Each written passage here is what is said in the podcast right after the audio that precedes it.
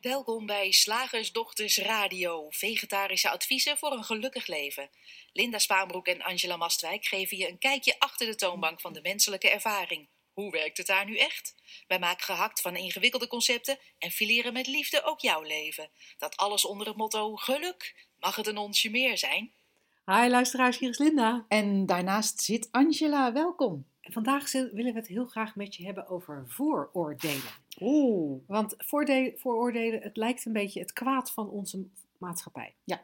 Eh, want vooroordelen die zorgen voor ongelijkheid, voor onderlinge strijd, voor buitensluiting.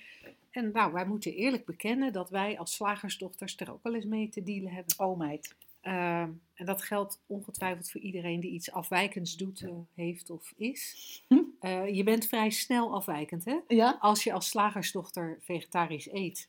Oh, dat kan niet. Dat is, er- is het vooroordeel dat slagersdochters vlees eten.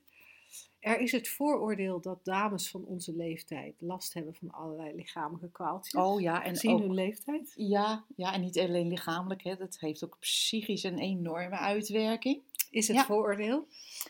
En wij moeten daar dan maar weer mee dealen. Oh meid. En, ehm, maar goed, eh, wat ik, wat ik net al zei, van, het lijkt wel alsof iedereen die iets afwijkends doet met die vooroordelen te maken heeft. Maar dan kan je je natuurlijk wel afvragen van afwijkend van wie of wat of ja, wat is de norm? wat is de norm? En zijn vooroordelen nou eigenlijk wel zo anders dan naoordelen? Of oordelen in het moment?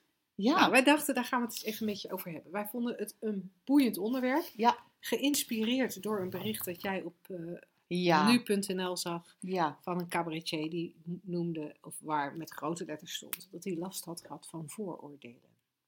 Ja, dat was een, ik vond dat zo'n interessant bericht. Ik dacht, nou ja, ten eerste van, goh, is, is, is dit nieuws? Maar toen ik het ook las, ik dacht, waar heb je dan last van? Ik vond het, een, ik, ik vond het zo interessant. Een vooroordeel, want- dat is dus bijvoorbeeld van, ehm, nee, jij wilde wat zeggen. Ja, nou, misschien maak ik het een beetje te klein. Ik wilde, denk ik, ook, net als jij, een voorbeeld geven. Eh, dan is er het vooroordeel dat ehm, wij als vrouw niet geschikt zijn om puntje, puntje, puntje. Er is het vooroordeel dat je met, ehm, ja, noem ze dat, ik kan ze niet eens bedenken. Dat je met een bepaalde huidskleur niet zo actief bent. Oh ja. Ja, ik, ja gooi hem er gewoon in. We kunnen Ja. natuurlijk allerlei vooroordelen. Ja, ehm, Of dat als je een hoofddoekje draagt, dat je een voorstander bent van terrorisme. Ja, Om maar een voor... Vooroordelen zijn vaak zo willekeurig. Ja hè? Jij bent een blanke vrouw, Nou. Dus, dus. dus snap jij heel veel dingen niet, omdat je een blanke vrouw bent. jij hebt een bepaald geloof. Dus heb jij een bepaalde denkwijze en een bepaalde handelwijze. Jij hebt een bepaalde seksuele geaardheid. Dus Ja. doe jij anders dan mensen met een andere seksuele geaardheid. Ja. Dus dan is er iemand die het vooroordeel heeft: de slagersdochters, slagersdochters eten vlees. Mhm. En dan zitten wij aan tafel en dan bestellen wij allebei vegetarisch. En dan is het een restaurant waar geen vegetarisch te krijgen is. En dan zeggen wij, nou, ja, dan maar niet. dan maar. eh, En dan, en dan zeggen de mensen met het vooroordeel, wat? Eet jij geen vlees? Zo raar. Wat vindt je vader daarvan? Je bent toch een slagersdochter? En wat hebben wij daar dan voor last van? Ja, dat is een hele interessante. Wat heb ik daarvoor last van? Nou, we kunnen natuurlijk, natuurlijk ehm, heel ver doorvoeren van, nou, ik heb een bepaalde, eh, ik heb een bepaalde, bepaald gender of een bepaald ras of een bepaald geloof. En dus, ehm, als ik iemand met een vooroordeel tegenover me heb, zal ik niet worden aangenomen voor een bepaalde baan. Hmm. Dat zou, dat zou kunnen vallen onder het lijstje, ik heb een last van een vooroordeel. Ja. Ik, en en oké, dat die zie ik wel. ik krijg de indruk dat als mensen zeggen dat ze last hebben van een vooroordeel, dat dat ook vaak is omdat ehm, nou ja, iemand hen gedrag toedicht wat ze in werkelijkheid niet vertonen. Ja. Of wat ze wel vertonen, maar wat ze niet benoemd willen hebben. Die is ook leuk. Ja. Het is echt heel interessant. Hey, en Nou, dus waarom er is zit- een vooroordeel? Want, het- want er zit nog iets interessants met vooroordelen, want dat doen we van tevoren. Ja. Dan verzinnen we van tevoren wat, wat iemand doet of zal zijn of hoe die zich zal gedragen. Maar dan denken we van tevoren iemand is eh, gay. Ja. En dan verwachten we dat omdat iemand gay is, dat hij bepaalde, ehm, nou, op een, zich op een, op een bepaalde manier beweegt met zijn lijf. Ja. En dan is dat niet zo. En dan zeggen we tegen elkaar, oh nou, hij ziet er niet zo gay uit. Ja, dat zou kunnen. Is dat anders dan iemand zien in het moment Mhm. en zeggen, zo, die beweegt gay. Ja, het is grappig. Het is, het, is, het is allebei natuurlijk gewoon een gedachte in het moment. Of, of hij is weg. En je zegt, nou, die Nou. bewoog wel gay. Ja, dan heb je een, een naoordeel. Dan heb je een naoordeel. Volgens mij is dat net zo vervelend. Of net zo irrelevant. Vertel eens. Ja, nou, ik vind het wel Want we maken het heel relevant. We hè? maken het heel relevant. En in het voorbeeld wat ik net gaf, kan ik me ook voorstellen dat dat heel relevant lijkt. Als je bijvoorbeeld nooit uitgenodigd wordt voor een sollicitatiegesprek, omdat je bepaalde eh, eh, uiterlijk hebt of een bepaald geloof aanhangt, wat dan duidelijk eh, wordt, omdat je daar bepaalde attributen bij hebt. Een hoofddoekje of een keppeltje of kan mij het schelen wat, of een kruisje om je nek. Dus dan, ehm, dan kan het relevant lijken. Ik denk dan, ja, ik zou niet willen werken voor iemand die daar iets van vindt, maar dat, dat, dat ben ik. Ja. Er is voor mij iets anders te doen, zou ik denken. Maar goed, even, even los daarvan. Het lijkt zo belangrijk wat mensen van ons denken. En ik denk, wat heeft, maar wat, Het lijkt ook alsof ze, moeten we ons daarmee Ja, bezighouden? het lijkt ook alsof ze dan macht hebben over ons, Ja, over ons leven. En bij het voorbeeld van de cabaretier ehm, eh, lijkt het ook alsof het erg is. Want in zijn geval was het niet alsof, als, het wa- was niet zo'n kwestie van ik krijg een baan niet. nee, Het was meer dat het, eh, hij, als ik, het, als ik het, de beschrijving op nu.nl goed begrijp, dat hij het als beledigend ervaarde. ja, dat, dat werd gezegd. Maar wat, is een, wat, wat kan een belediging je feitelijk doen? Ja, Als wat- je hem gelooft, dan doet hij misschien pijn. Maar als die iemand tegen mij zegt: Jeetje, Linda, wat heb jij een raar paars haar? Dan gebeurt er helemaal niks met mij. nee. Want ik heb helemaal geen paars haar, dus het raakt me niet. Ik weet zeker dat het niet waar is. 200% zeker. Dus zo'n opmerking: Wat heb jij raar paars haar? roept bij mij niks op. En ik geloof dat, als ik er zo over nadenk, dat een vooroordeel pas pijn doet als ik denk, als ik, als ik er zelf ook een beetje in geloof. Ja, ja die, die is interessant inderdaad. Want stel dat deze cabaretier, hè, wat eigenlijk de aanleiding is voor dit, eh, eh, deze radioshow over dit, dit onderwerp, die zingt misschien een liedje op dat toneel. Ik weet het niet hoor, ik, ik, ik ken de beste man verder niet eh, op het toneel. Die zingt misschien een liedje en daar zou iemand van kunnen zeggen, nou dat vind ik echt een, een heel stom liedje.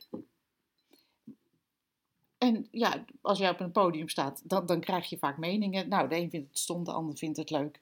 Prima.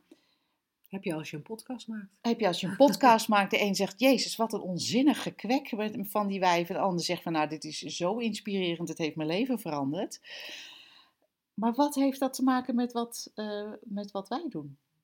Wat heeft, wat, wat heeft zo'n oordeel nu te maken met ons? Wat heeft zo'n. ehm, het, is echt, het is echt reuze interessant. Iedereen roept maar wat, iedereen vindt maar wat. En dat mag, hè? Roep en vind wat je wil. Alleen, wie heeft daar last van? Ik vind hem reuze interessant. Bijvoorbeeld, wij, krijgen ook wel eens van, van mensen met wie we in gesprek zijn terug van, nou, ik, dit helpt mij zo. Dit is, dit, dit is zo ongelooflijk.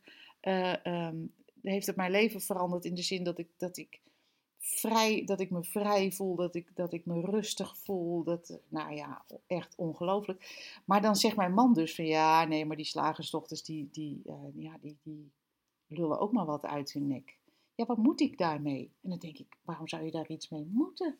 Gun iedereen zijn eigen vooroordeel of niet. Of oordeel of naoordeel. Maar en het grappige is, volgens mij, als niemand, als iedereen het ziet voor wat het is, gewoon een, een gedachte, een oordeel, lekker belangrijk, uh, en we er dus totaal geen aandacht aan besteden, ja. zou het niet uit, uitsterven. Ja. Want, want, want het is ook zoiets van, uh, ja, dit mag je niet denken en dat moet je wel denken. En dit is politiek niet correct en dat wel correct en zus mag je niet. Maar, maar volgens mij ja, denken we met z'n allen maar wat, überhaupt, wij ook. En is dat helemaal niet zo interessant wat we in het moment denken? Nee, en, en wat, je, wat bij mij door, door dat laatste wat je zegt opkomt, is dat als, als we denken zien voor wat het is, gewoon energie die oplopt in het moment en die ook zo weer weg is. Eigenlijk, als ik even een klein beetje uh, Knuppelhoendehok? Nou, nee, niet knuppelhoen. Eigenlijk een beetje, een beetje een vies voorbeeld. Oh. Het is, het is, een, beetje, het is een beetje alsof iemand een wind laat. Een gedachte, een gedachte, een gedachte. Een gedachtescheet. Ja, het is gewoon een gedachtescheet. En die hebben we de hele dag door. En je denkt, nou, deze vind ik niet, deze nee, precies. We hebben ze de hele dag door. En dan zijn er een aantal waarvan we denken, nee, hier zit een luchtje aan. En die, die mag je niet hebben. En die met dat luchtje, die willen we niet. Maar het is precies hetzelfde spul. Het is net zo vergankelijk. Daarom gas. Het komt, het komt en het gaat. Maar nee, die ene met een luchtje, daar gaan we tegen strijden. Ja. Je lacht erop, maar het is wel waar. Weet je trouwens dat hij heel vaak stinkende scheten heeft? Dat is eigenlijk dan hetzelfde als dat ze zegt. Weet je dat hij heel erg vooroordelen heeft tegen, weet ik veel, uh, moslims, gays, weet ik het, noem even wat. Ja, maar het, het, het, het, het komt, ja, ik ben ervan overtuigd nu. Ik, ik, ik, zit even helemaal in, dit, uh, in, dit, in, deze, deze metafoor. dat, dat het precies hetzelfde is. Het komt op zonder dat, dat we daar eigenlijk echt iets aan kunnen doen. En het interessante is natuurlijk dat we gedachten, en zeker als ze uitgesproken worden, die maken we heel persoonlijk. Ja. Wat? Jij zegt dat? Jij hebt die gedachte? Jij bent fout? Waarmee we eigenlijk, eigenlijk het, het hele gebeuren ook in stand houden. Terwijl als we zien dat daar, dat daar tegenover ons... We vangen die scheet in een zakje. Ja, zo'n luchtdichte. moet je ruiken. Ja. Moet je ruiken wat hij... Wat hij... Ja, precies. Dan gaan we, het gaan we het ook nog in de krant zetten. Kijk naar wat er bij hem opgerispt is. ja, totaal oninteressant. Ja, ook nog, want eigenlijk, weet je, je hebt ze ook in de vorm van boeren. Dus, dus dan zitten we oprispingen en scheten, zitten een beetje aan elkaar te vertellen. Maar, maar nee, even serieus. De, de serieuze ondertoon in dit verhaal, Angela kan gewoon niet meer, kan niet meer stoppen met lachen. De serieuze ondertoon in dit verhaal, in deze enigszins vieze metafoor, is dat we, dat we, dat we het persoonlijk maken. dat iemand er iets aan kan doen. En daar, en daar gaan we echt een super, super sonisch het misverstand in. Want daarmee gaan we ervan uit dat er ook maar iets van realiteitsgehalte zit in die hele illusie die we daar waarnemen. Ja, is het niet. is het niet echt ongelooflijk grappig en tegelijkertijd ook tragisch wat we doen. ja, nee, ik zie het tragisch. Het is gewoon tranen in je ogen van het lachen. Dat we elke, elke scheet gewoon serieus nemen en die mag wel en die mag niet. En oh, hij laat altijd stinkende scheten. Ja, die moeten we uitsluiten. Maar dat we het ook persoonlijk maken. Omdat jij naast mij stinkende scheten laat, zegt dat iets over mij. Moet ik me daar iets van aantrekken? Terwijl, ja, er gebeurt daar wat. Even wapperen. En ik heb gewoon zo mijn eigen, ik heb zo mijn eigen ervaring. Ik hoef mij niks aan te trekken van wat er allemaal gebeurt. Het heeft helemaal niks met mij te maken. Maar ik maak het, ik maak het wel van mij. En misschien is dat wel waarom ik vandaag zin had om het over die vooroordelen te hebben. Omdat vooroordelen. We, we, we maken het van onszelf, we maken het persoonlijk. Er roept iemand daar in de verte iets over vegetariërs. En wij zouden het persoonlijk Oh. kunnen maken, omdat Ja. wij ons associëren met, met het begrip vegetariër. Er roept daar in de verte iemand iets over vrouwen van middelbare leeftijd. En wij kijken om ons heen en denken: dit is helemaal niet op mij van toepassing. Waarom zeg je dat? Waarom spreek jij mij aan met je roze lintje eh, op de markt. op de markt om, om mij een, eh, een, een donatie te ontfutselen voor een, voor een ziekte die dan hoort bij mijn grijze haar, schijnbaar. Dat is een vooroordeel. Ja. En dan, en dan maak, in die momenten maken wij het persoonlijk. Ja. Maar hé, hey, het is jouw scheet. Daar hoef ik niks mee. Het is echt reuze interessant. Ja, en want, want het, het feit eigenlijk dat we zo'n dat we zo'n weerstand er tegen hebben, maakt het een, een probleem. Dat we, dat we wat we denken zo belangrijk maken. Dit mag je wel denken, dat mag je niet denken. En te, te denken, ja, Ja, en dat als iemand dan tegen ons zegt, nou jullie hebben wel grijs haar. Of iemand zegt tegen ons, nou jullie lachen dus echt veel te veel. Ja. In die, in die, eh, en jij hebt dat nu weer bevestigd. Dat ja nee, ik, ik ben helemaal eh, weer eh, erin gedoken. dat als iemand dat zegt, dat dat ons werkelijk zou kunnen raken. En dat is gewoon niet waar. Nee. Onze eigen gedachten kunnen ons al niet eens raken. Niet de kern van wie wij werkelijk zijn. Dat lijkt wel zo, hè? Want het, we, we voelen van alles en dan, en dan kunnen we meegaan in de illusie dat het ons echt raakt. Maar dat is niet zo. In werkelijkheid is er die kern, is er die levensenergie die onaantastbaar is en waar wij een uitdrukking van zijn. En, en wat iemand ook tegen ons zegt of over ons zegt, het verandert niet de kern van wie we zijn. Nee. En waarom zouden we er dan op ingaan? Waarom zouden we het serieus nemen? Waarom zouden we, zoals jij net aangaf, die scheet in een luchtdicht plastic zakje doen? En dan moet je eens kijken wat hij zegt over middel, vrouwen van middelbare leeftijd. Moet je ruiken. Oh. Ja, of wat hij zegt over Ja. homo's, of wat hij zegt over vrouwen met hoofddoekjes, of wat hij zegt over, nou vul maar in. Ja. Het is fascinerend. En weet je wat ik ook fascinerend vind? Dat we ondertussen, terwijl we, terwijl we iets zeggen over de vooroordelen van een ander, Hm.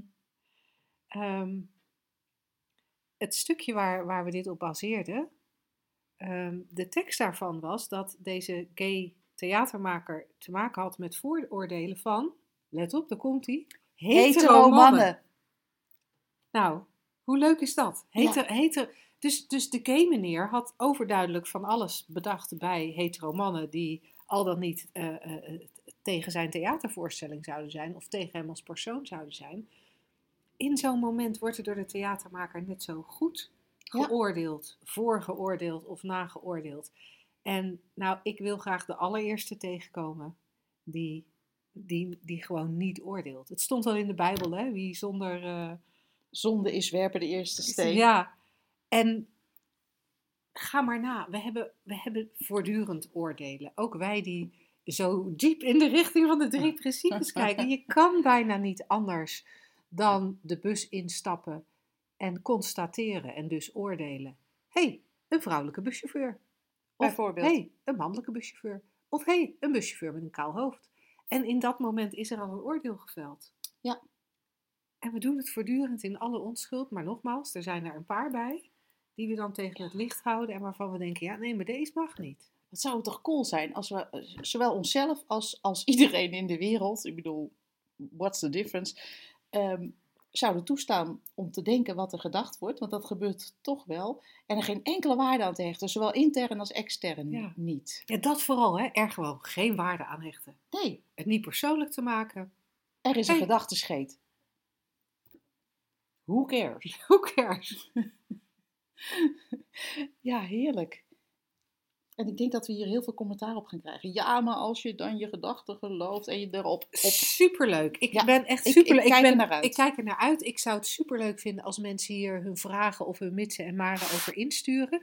Eh, dat mag naar vragen.slagersdochters.nl En eh, dan gaan we heel graag in een volgende uitzending met je aan de slag eh, over, over jouw, jouw vragen en jouw, bezwaren. Ja, en eh, wat natuurlijk ook altijd cool is, om, uh, naar, uh, om, om, gewoon wat langer met ons in gesprek te gaan en naar een van onze shiftdagen te komen. We hebben aanstaande vrijdag, vrijdag aanstaande vrijdag, hebben we er eentje over minder stress.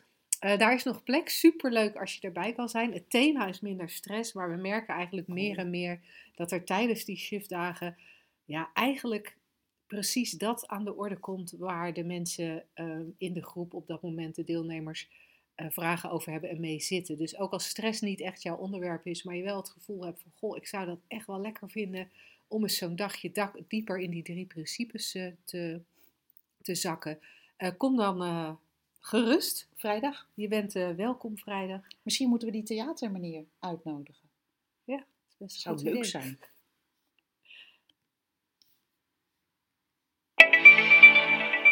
Zeg, slagersdochters, hoe pak ik die vegaburger? Over naar de luisteraarsvraag. Nou, Mariska heeft een uh, vraag toegestuurd aan uh, vragen.slagersdochters.nl. En het is een klein beetje een lange, een lange vraag. Maar ik wil hem toch graag, of tenminste het is een lange beschrijving. Maar ik wil hem toch graag even helemaal aan je voorlezen. Omdat ik denk dat het wel een beetje helpt als we, zowel Angela en ik als luisteraars, een beetje dezelfde input hebben over... Uh, over deze vraag. Um, Mariska schrijft: Sinds een korte tijd ben ik in de richting van de drie principes aan het kijken. Lees kijken als nog met een flinke mist in de vroege ochtend op het platteland. nou, dat geeft helemaal niet, Mariska. Die mist trekt vanzelf op. Het fascineert mij enorm en ben in jullie leuke, interessante podcast gedoken, waar ik zo af en toe een aha-momentje ervaar. Ik ben heel benieuwd wat jullie van het volgende onderwerp vinden: zelfcompassie. Eerder dit jaar heb ik een vierdaagse training zelfcompassie gevolgd. Ik zie in beschrijving van zelfcompassie overeenkomsten met de drie principes. Zelfcompassie zegt bijvoorbeeld: wees vriendelijk voor jezelf wanneer je lijdt. We leven met minder verzet in het leven. Er is acceptatie van gedachten en van ervaringen. Verzet maakt uiteindelijk de pijn, de minder fijne gedachten, tot meer pijn. Oftewel, pijn keer verzet is lijden.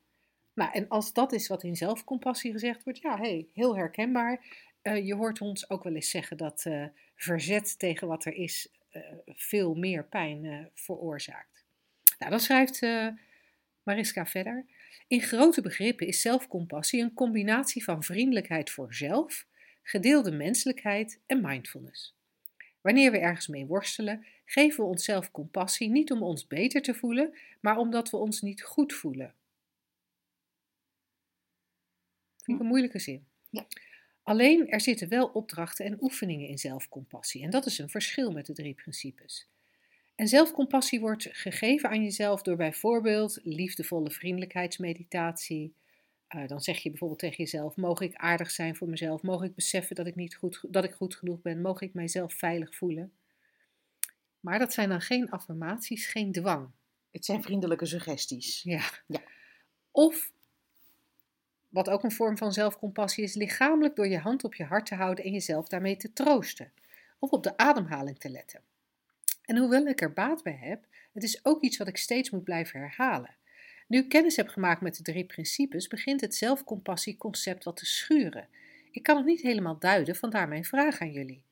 Nemen we hiermee toch de gedachte weer enorm serieus? En hoe kunnen we zelfcompassie zien naast de drie principes? Ik ben al lang aan het woord geweest, maar mag ik gelijk even op, uh, op die uh, uh, naast de, de, de, de drie principes. Want ik vertrouw er helemaal op dat Angela zo meteen dieper ingaat op de vraag zelf. Ehm, ik wil even inhaken op hoe kunnen we zelfcompassie zien naast de drie principes. omdat dat voor mij iets is wat niet, niet kan en niet klopt. zelfcompassie, daarvan geef je al aan, is een, is een concept. En de drie principes zou je als een concept kunnen zien, maar in onze ogen is het een metafoor om te verwijzen naar een onderliggende waarheid. Een onderliggende waarheid van hoe, het, um, hoe de menselijke ervaring tot stand komt. En de drie principes is daardoor niet een methode, het is niet een recept, het is niet iets wat je zou moeten doen. De drie principes is echt alleen maar een beschrijving. En je zult ons nooit recepten horen geven over hoe je het leven moet leven. soms horen mensen wel eens een recept, een voorschrift in wat we zeggen. Ehm, en, en toch is het nooit wat wij zeggen. Wij geven echt alleen maar een beschrijving van hoe de menselijke ervaring tot stand komt. Ja, we geven wel eens voorbeelden van hoe wij door het leven manoeuvreren. Maar dat is nooit meer dan een voorbeeld hoe wij door het leven manoeuvreren. Ja. En beslist niet, een, eh, eh, niet het idee dat dat de beste, de beste manier is. Eh, dus in die zin, zelfcompassie zien naast de drie principes, dat kan eigenlijk niet. De drie principes zijn er altijd, zoals eh, zwaartekracht er altijd is. Hè. We zouden, het zou ook gek zijn als we zouden zeggen, hoe kunnen we zelfcompassie zien in het licht van zwaartekracht? Eh, irrelevante vraag. De drie principes zorgen voor een menselijke ervaring. En binnen die menselijke ervaring is er zoiets als zelfcompassie. Precies. Ja, dat is mooi omschreven, denk ik.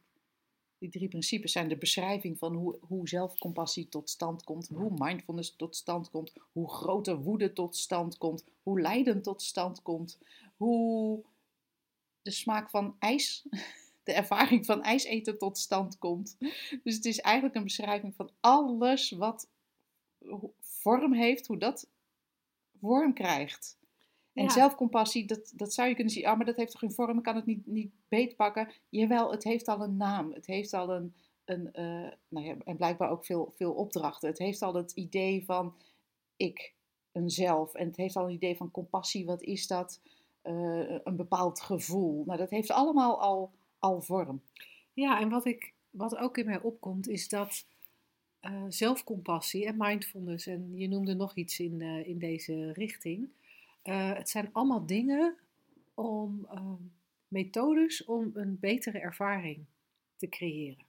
Ja, zelfs, en het is heel subtiel, want zelfs, ehm, dus, dus, dat is heel grappig. Ik vond het een soort tegenstrijdig wat hierin staat. Van, we doen het niet om ons beter te voelen, maar we doen het omdat we ons niet goed voelen. Wij zien geen onderscheid tussen ehm, ehm, niet goed voelen en wel goed voelen. Allebei is gewoon een ervaring die tot stand komt door de werking van die drie principes. Allebei die ervaringen hebben niets nodig. Die zijn al tot stand gek- gekomen. En wij kijken eigenlijk, voortdurend verwijzen wij terug naar de bron van al die ervaringen, naar de waarheid daarachter. Ja, En dus, dus alles waar een opdracht in zit, ook al is die heel subtiel als in, nee maar je moet het omarmen of je moet het accepteren, dan ga je al uit van dat er iets is waar iets mee gedaan moet worden. Er is lijden en dat moet je dan omarmen, accepteren, weet ik veel. En wij zeggen, er is lijden en zo komt het tot stand. ja, ja. En, en, en al die voorbeelden van andere dingen zijn, er is lijden en er kan een betere ervaring zijn dan lijden. Ja, of zo ga je ermee om. Alles om het lijden te verzachten.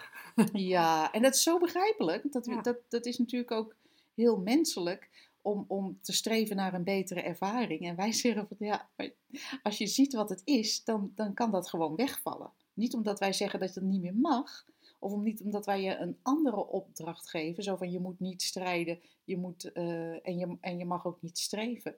Nee, omdat het gezien wordt voor wat het is. Oh, een menselijke ervaring. Oh, weer een ervaring. Oh, weer een ervaring. Oh, dit is ook een ervaring. Ook een ervaring. Ook een ervaring. Nooit iets anders dan een ervaring. Hoe pijnlijk ook.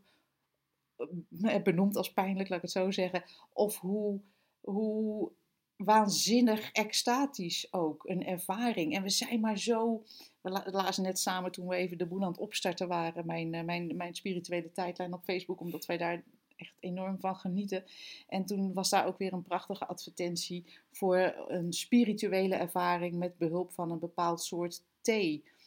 En dan wordt er maar van uitgegaan dat een ervaring je iets op kan leveren. Een, een, een, dat je een beter mens wordt of een, of een weet ik veel. En wij zeggen nee, elke ervaring komt zo tot stand. Punt. Ja. Punt. En daarbinnen leidt iedereen het leven dat hij leidt. Ja. Ehm, Met EI ja. of lange ei. En wat tegelijkertijd, en daar, daar, kan, daar kan natuurlijk ehm, ook het misverstand wel door gevoed worden dat de drie principes een ding zijn om te doen. Want wat het fascinerende is, en dat hoor je ons natuurlijk ook zeggen, naarmate je meer inzicht krijgt in hoe die drie principes de menselijke ervaring creëren, hoe makkelijker het leven wordt. Ja, ja inderdaad. Hè? Ja. Dus, dus dat wat we, waarvan wij zeggen, ja, maar je hoeft een ervaring niet weg te poetsen. Een ervaring is een ervaring. De ene ervaring is niet beter dan de andere ervaring. Door dat meer te gaan zien, vallen de, tussen aanhalingstekens, minder fijne ervaringen, vallen weg, worden minder ervaren. Ik, ik weet niet precies wat het is. Ik wil niet, hè, weet je, wij, het is niet alsof wij nooit meer verdrietig zijn, nooit meer Nee. bang zijn, nooit meer ons nou ja, zorgen maken, doen we geloof ik niet zo. Maar, maar de, de, de, hè, wij hebben nog steeds menselijke ervaring. Ja, en tegelijkertijd eigenlijk door wat ik net zeg, zorgen maken doen we niet meer zo. Dat, dat is weggevallen. dat, En, dat komt niet meer op. en als dat soort dingen wegvallen, ja, dan, dan Ja. ik weet niet. En het, het is zo tricky, want de mens wil maar, hou vast hè, voor, het, voor het persoontje van wat, wat kan ik doen om het beter te maken. En wij zeggen eigenlijk ja, dat, dat, het, dat het beter wordt, makkelijker wordt, prettiger wordt, is een bijverschijnsel van dat je ziet wat het is. Niets, zou ik bijna willen Ja. zeggen. Die menselijke ervaring die is zo vergankelijk en zo vloeibaar eigenlijk. Het is gewoon maar energie in beweging. En als je dat, dat, ja, dat, dat inzicht, dat doet wat. Dat doet veel. Ja. Ja. Wij hopen dat Mariska hiermee ehm, nou ja, iets meer helderheid heeft gekregen en ook iets meer inzicht in wat die drie principes nou eigenlijk zijn. En Ja. vooral wat ze niet zijn. Ja, ja, ja. ja en eh, ja, het, coole, het coole is, wij zeiden het net al, naarmate je dieper inzicht krijgt in de werking van die drie principes, valt er veel weg. En eh, nou, zo'n shiftdag, als waar we het er net over hadden, zoals we daar aanstaande vrijdag een hebben, later deze maand ook nog eentje. eh, dat is heel cool daarvoor als je zegt, nou doet u mij maar gelijk de diepte. Dan eh, hebben we in november weer een eh, driedaagse. En op het moment van opnemen van deze podcast zijn er nog plekken. Nog vier. Ehm, Maar- dus, eh, maar Oh ja, deze wordt. Oh ja, ja, nee, ja, vier plekken. ja, op het Ja. moment van opnemen. We weten niet hoe het is op het moment van uitzenden. Maar dat zou ook een hele gave voor je kunnen zijn om mee aan de slag, of, of om, om met ons mee in gesprek te gaan. We zien je graag in Soest.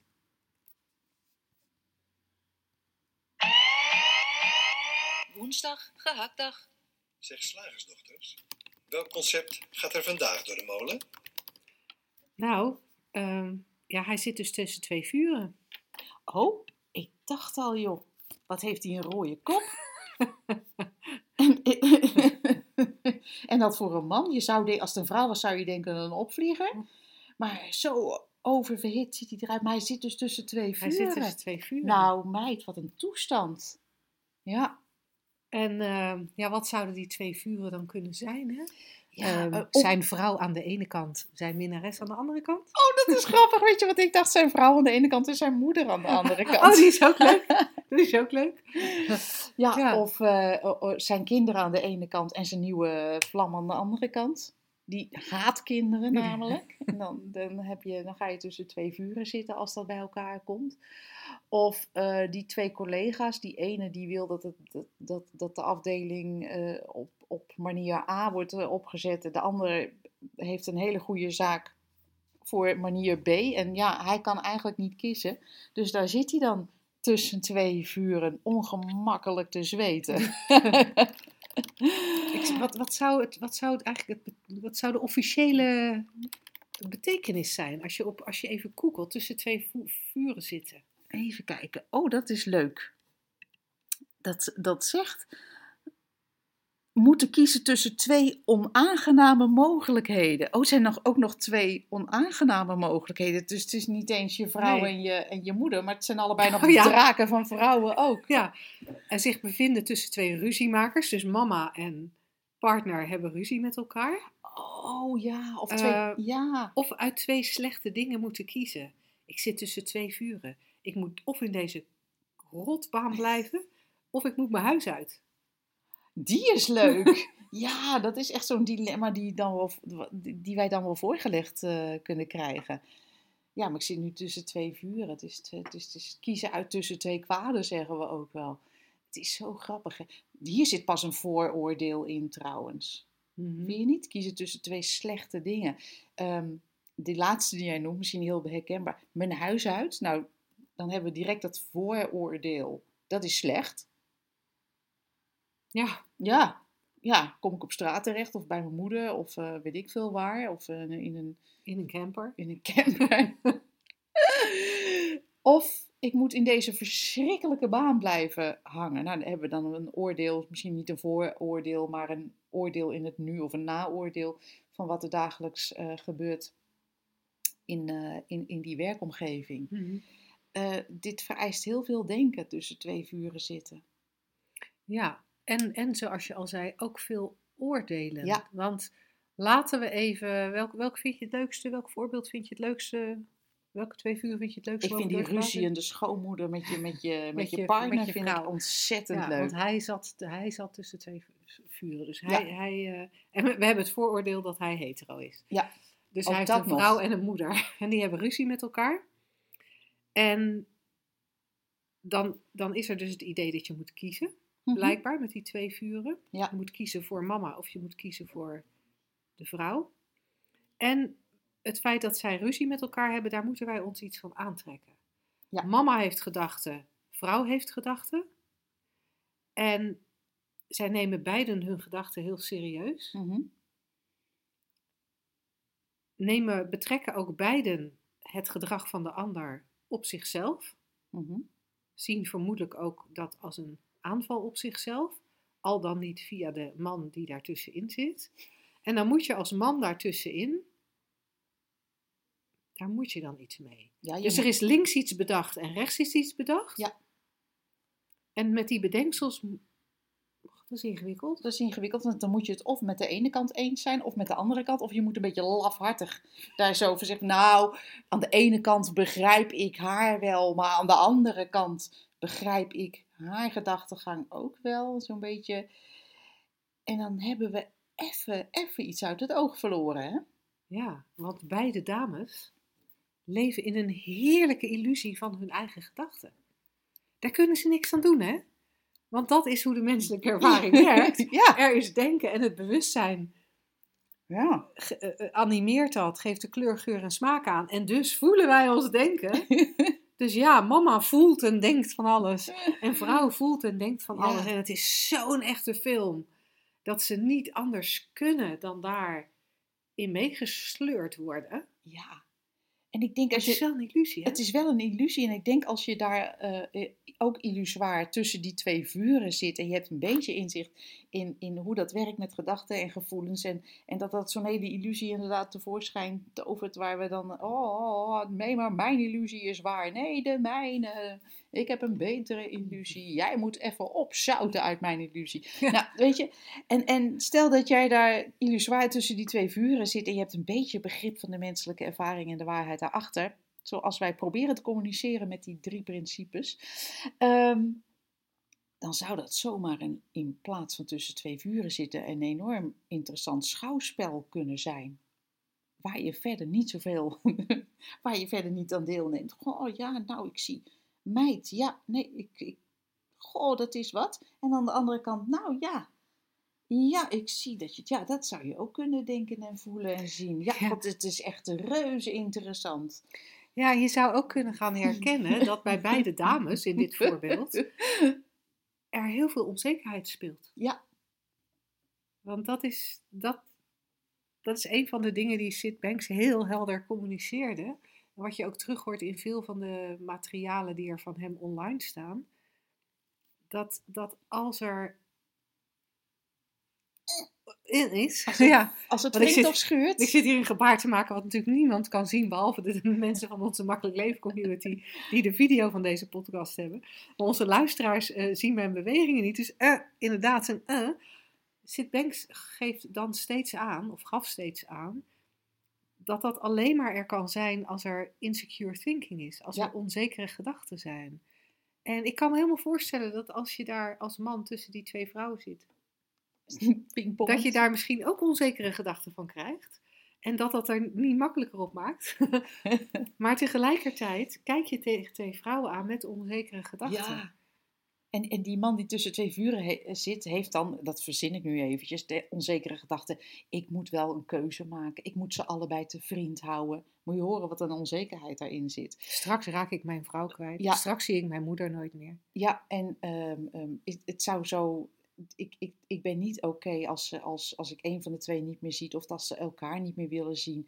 En ik, ehm, ehm, het is erg dat ze elkaar niet mogen of ze zouden hiermee op moeten houden. Ze zouden eens volwassen moeten worden. Want dat zou zoveel beter zijn voor mij. Mhm, Interessant hè? mhm. En het, het, het is zo, het, het het is leuk. Mocht jij het idee hebben om tussen twee vuren te zitten, luister dit kleine stukje dan eens even drie keer af. En, en, en ga eens kijken wat er dan gebeurt. Als je jezelf realiseert wat er gebeurt.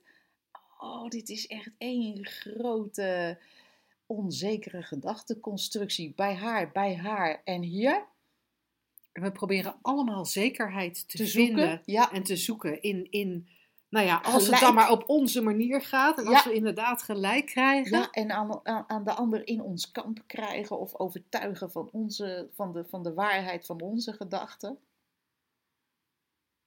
En het interessante is dat onder al die onzekere gedachten uiteindelijk pure liefde zit. Ja, Die zien we misschien niet. Die is heel goed verstopt onder al dat denken en al die gevoelens die erbij eh, eh, aan te pas komen. Maar er kan niks anders dan pure liefde onder zitten, want we zijn pure liefde. ja, en we spelen alsof dat niet zo is. En dan wordt het ingewikkeld, jongen, want dan speel je zo'n poppetje dat wat gelijk moet hebben en, en aandacht nodig heeft. Of weet ik veel wat voor onzekerheid daar ook eh, in zit. Maar, maar het is altijd een, een, een spel binnen die, binnen die pure liefde of van die pure liefde. Of achter de, weet ik veel hoe je dat ook eh, wil zien. Dat is helemaal aan jou. Ja. Wordt het Even- een stuk makkelijker. Daar wordt het heel veel makkelijker van.